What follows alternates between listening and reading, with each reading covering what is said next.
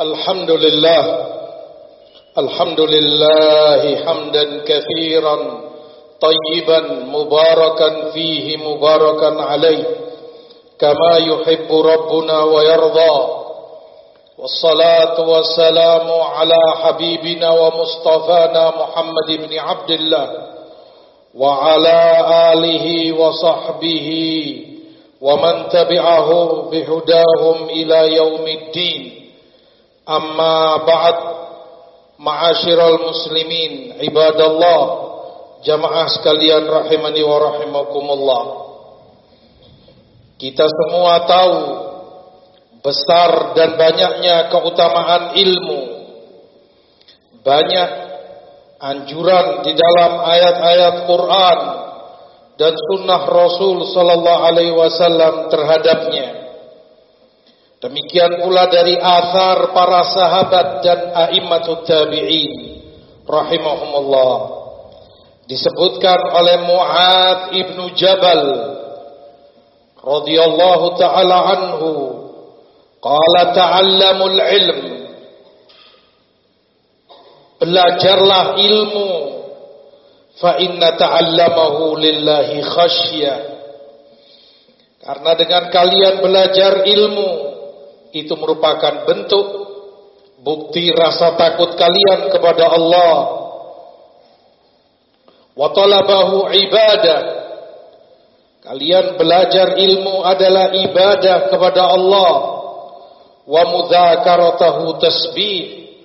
Kalian bermudzakarah memurajaah ilmu yang telah kalian dapati adalah zikir tasbih wal bahtha anhu jihad. Membahas permasalahan-permasalahan ilmu adalah jihad. Wa ta'limahu liman la ya'lamuhu sadaqah mengajarkan ilmu itu kepada yang belum mengetahuinya adalah amalan sedekah. Wa badlahu li ahlihi qurba. Menyampaikan ilmu itu kepada orang yang berhak mendapatinya adalah bentuk kurbah pendekatan diri kepada Allah. Maka sangat tidak patut sangat tidak pantas seorang yang telah Allah berikan kepadanya ilmu telah Allah beri kenikmatan ilmu kepadanya kemudian bakhil pelit pada dirinya tidak mau mensedekahkan ilmunya, tidak mau mengajarkan ilmunya, tidak mau menyampaikan apa yang dia ketahui dari ilmu syariat itu kepada orang lain, baik itu dalam bentuk nasihat ataupun kemudian tulisan yang dia sampaikan kepada orang lain faidah ataupun dalam bentuk khutbah-khutbah, ceramah-ceramah agama dan yang semisalnya. Tidak patut bagi orang yang Allah berikan ilmu padanya berpunya sifat bakhil, pelit, menyimpan dan tidak mensedekahkan ilmunya. Padahal Mu'ad katakan mengajarkan ilmu itu kepada orang yang belum tahu adalah sedekah. Menyampaikannya adalah kurba pendekatan diri kepada Allah Subhanahu wa taala. Bagaimana seorang alim kemudian justru zuhud, merasa zuhud, enggan dan berat hati ketika diminta dan diharapkan ditunggu darinya untuk menyampaikan ilmu-ilmu tersebut. Mu'ad katakan li'annahu ma'alimul halal wal haram. Ilmu adalah rambu halal dan haram. Wa manar sabili ahli jannah. Ilmu adalah mercusuar bagi penghuni-penghuni jannah. Wa huwal uns fil wahsyah. Ilmu adalah teman yang menenangkan kamu dikala kamu sendiri wasahibu fil ghurba. Teman dikala kamu dalam pengasingan. Wal muhadditsu fil khalwa. Seakan teman bicaramu kala kamu seorang diri. Wad dalil fi sarra'i ilmu memberi petunjuk kepadamu. Menyelamatkanmu baik dalam keadaan kamu susah ataupun dalam keadaan kamu suka. Dalam keadaan lapang ataupun sempit wasilah alal a'da ilmu adalah senjata untuk menghadapi musuh-musuh Islam wazain indal akhilla ilmu adalah menghiasi dirimu di kalangan teman-temanmu mereka butuh ilmumu. Mereka bertanya padamu. Mereka ajukan fatwa kepadamu. Yarfa'illahu bihi aqwaman fayaj'aluhum fil khair qadatan wa a'imma. Dengan ilmu Allah muliakan suatu kaum. Allah jadikan mereka panutan dalam kebaikan. Tuktasu atharuhum. Langkah mereka, jejak mereka jadi panutan dan diikuti oleh orang lain yuktada bi af'alihim bahkan perbuatan orang alim pun menjadi contoh dan uswah bagi yang lainnya. Wayantahi ila ra'yihim. Pendapat mereka pun menjadi rujukan dan pegangan bagi orang lain. Kata Mu'ad targhubul malaika fi khullatihim. Para malaikat pun senang dekat dengan mereka yang belajar atau mengajarkan ilmu wa bi ajnihatiha tamsahuhum. Para malaikat mengusap sayap-sayap mereka kepada para pengajar atau yang belajar ilmu. Yastaghfir lahum kullu ratbin wa yabisin wa hitanil bahr wa hawamu wa sibaul barri wa an'amu. Setiap makhluk beristighfar, memintakan ampunan kepada orang-orang yang belajar dan mengajarkan ilmu, baik itu binatang yang di darat, di udara maupun di dalam lautan. Li'anal ilm hayatul qulub minal jahl. Itu semua karena ilmu adalah kehidupan kalbu, kehidupan jiwa dari kejahilannya Wa masabihul absar minadz. Ilmu adalah lentera dalam kegelapan menyelamatkan orang dari berbagai kezaliman. Yablughul 'abdu bil ilm manazilal akhyar. Dengan ilmunya seorang hamba mencapai derajat orang-orang yang terbaik di umat ini. Wa masabihul absar minadz zulm Demikian ilmu itu cahaya di kala gelap menerangi jalanmu, tahu ke mana arah yang harus kamu langkah dalam kehidupan dunia ini. Wadarajatul ula fid dunya wal akhirah. Ilmu adalah derajat tinggi bagi orangnya di dunia dan akhirat kelak. At-tafakkur fihi ya'dilus siyam berpikir tentang ilmu. Kamu berusaha memahaminya, berjuang, kamu peras otak untuk bisa mengerti dan memahami ilmu. Itu sebanding dengan ibadah puasa. Wa mudarasatuhu ta'dilul qiyam. Bermudarasah kamu kaji kamu ulang ilmu yang kamu telah pelajari dengan temanmu. Itu menyamai pahala qiyamul lail, salat tahajud, bihi tusalul arham. Dengan ilmu tali silaturahmi terjaga, tersambung. Karena orangnya tahu keutamaannya, tahu dosa yang memutus silaturahmi itu dengan ilmu. Wabihi yu'raful halalu minal haram. Dengan ilmu pula orang akan kenal mana yang halal, mana yang haram. Wa huwa imamul amal wal amalu tabi'u. Ilmu adalah imam bagi amalan manusia. Amalan mereka makmum mengikuti ilmunya. Tentu namanya makmum tidak akan boleh mendahului imamnya wa yulhimuhu su'ada yulhamuhu su'ada wa yuhramuhu al-ashqiya ilmu hanya diberikan kepada orang-orang yang bahagia ditentukan bahagia kebahagiaan dunia akhirat dan ilmu pula diharamkan darinya orang-orang yang celaka dunia dan akhiratnya. Wal billah aqulu ma sami'tum wastaghfirullah innahu huwal ghafurur rahim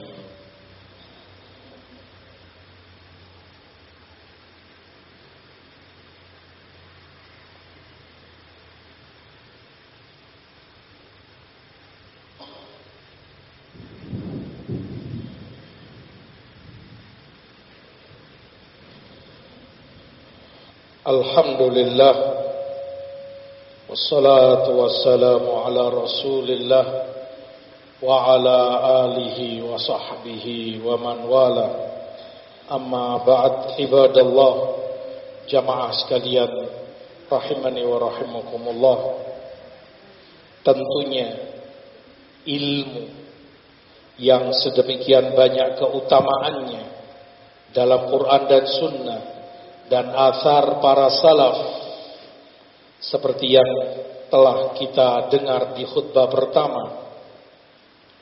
Ilmu yang seperti itu keutamaannya tidak akan bisa tidak akan mungkin didapati dengan berleha-leha tidak akan bisa dicapai dengan tenang dan malas namun dia menuntut pengorbanan dari kita, menuntut adanya perjuangan keras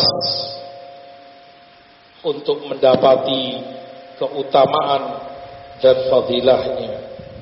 Disebutkan dalam siar alamin nubala bahwa a'immah, para ulama salaf kita, panutan kita, perjuangan mereka demi ilmu sangat besar karena mereka tahu keutamaannya. Maka ringan bagi mereka seberat apa pun cobaan dan kendala yang mereka hadapi.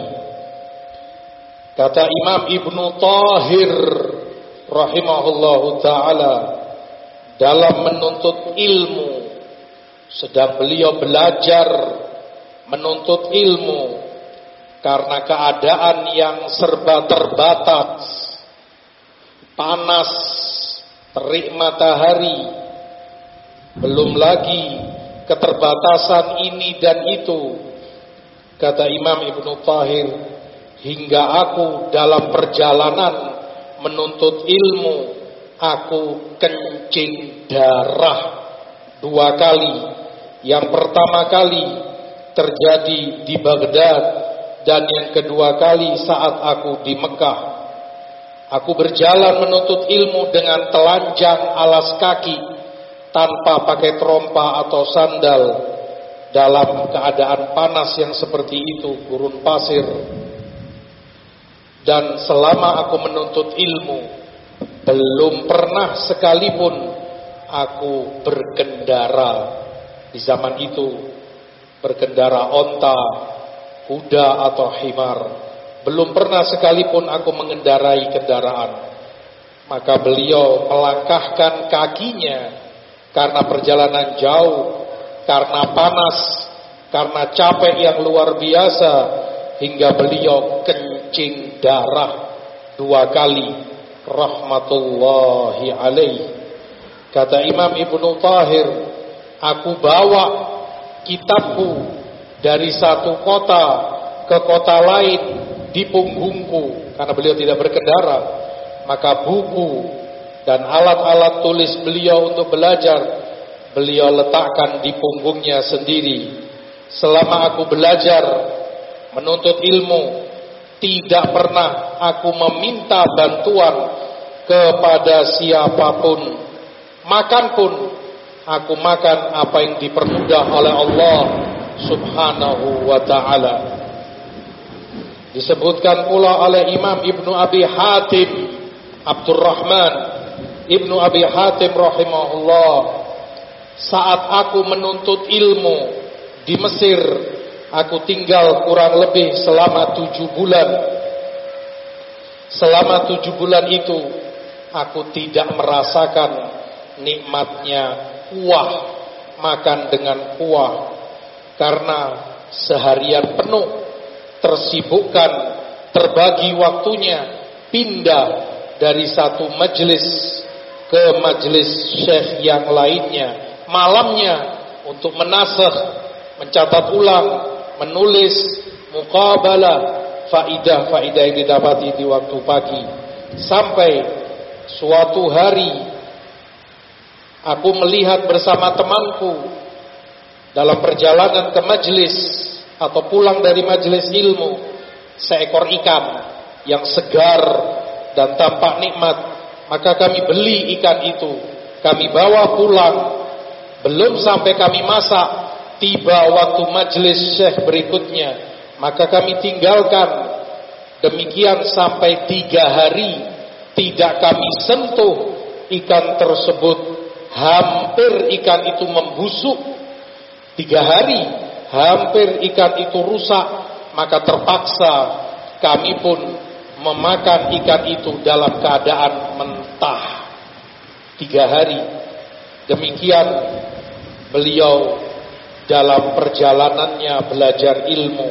Kata Imam Ibn Abi Hatim, La yustata'ul ilmu birahatil jasad. Ilmu itu tidak akan bisa kamu dapati dengan tenang-tenang dan bermalas-malasan.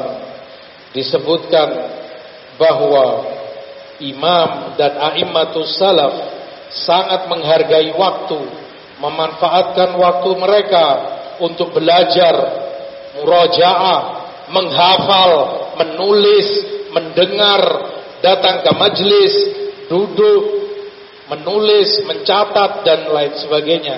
Semua demi ilmu. Maka waktu mereka begitu berharga.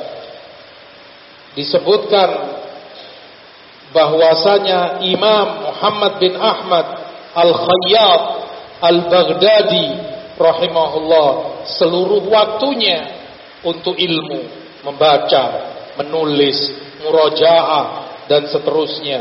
Sehingga tidak jarang Imam Muhammad bin Ahmad Al-Khayyat terjatuh dalam lubang karena beliau tidak melihat jalan. Saat jalan pun beliau gunakan untuk murojaah. Saat jalan pun terkadang beliau manfaatkan untuk membaca sehingga terkadang ada lubang tidak beliau lihat tersandung dan beliau jatuh. Terkadang pula beliau tertabrak oleh binatang, onta atau yang semisalnya karena beliau tidak melihat jalan. Begitu pentingnya sampai waktu jalan beliau pun beliau manfaatkan untuk belajar dan memanfaatkan waktu itu untuk murajaah.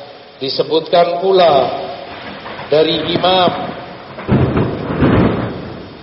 Ibnu Aqil rahimahullahu taala beliau katakan waktu yang paling berat bagiku adalah waktu ketika aku makan. Karena makan banyak menguras waktu banyak menyita waktu, belum mengunyahnya, belum obrolannya, belum ini itunya. Maka aku lebih memilih kata Ibnu Aqil untuk makan pun aku pilih roti yang telah kering. Untuk kemudian aku celup ke dalam air hangat kemudian aku makan langsung ditelan tanpa dikunyah kata beliau karena itu lebih menghemat waktuku ketimbang roti itu masih empuk, dikunyahnya cukup lama, cukup sulit, terbuang waktu sia-sia. Beliau manfaatkan, beliau pilih roti yang telah kering, dicelup ke dalam air untuk kemudian lebih mudah ditelan secara langsung. Demikian pula semakna dengan itu disebutkan dari Imam Dawud At-Ta'i rahimahullahu taala beliau katakan kami para ulama lebih memilih makan roti yang kering dicelup ke dalam air hangat karena kami hitung beda antara memakan roti kering dengan roti yang masih empuk itu cukup untuk kami membaca 50 ayat Quran. 50 ayat Quran waktu tersia-siakan hanya untuk makan makanan. Begitu berharganya waktu di kalangan para ulama. Semua ini adalah nilai perjuangan. Semua ini adalah nilai kepedulian karena mereka tahu besar dan banyaknya keutamaan ilmu. Tidak akan menghargai ilmu. Tidak akan mau berkorban demi ilmu. Kecuali hanya orang yang mendapat taufik dari Allah. Tahu keutamaannya dan ingin mendapatkan itu semua untuk kebahagiaan dia dunia dan akhirat kelak. Aku luma sami'tum wa sallallahu ala nabina Muhammad wa akhiru da'wana anil hamdulillahi rabbil alamin aqimis salat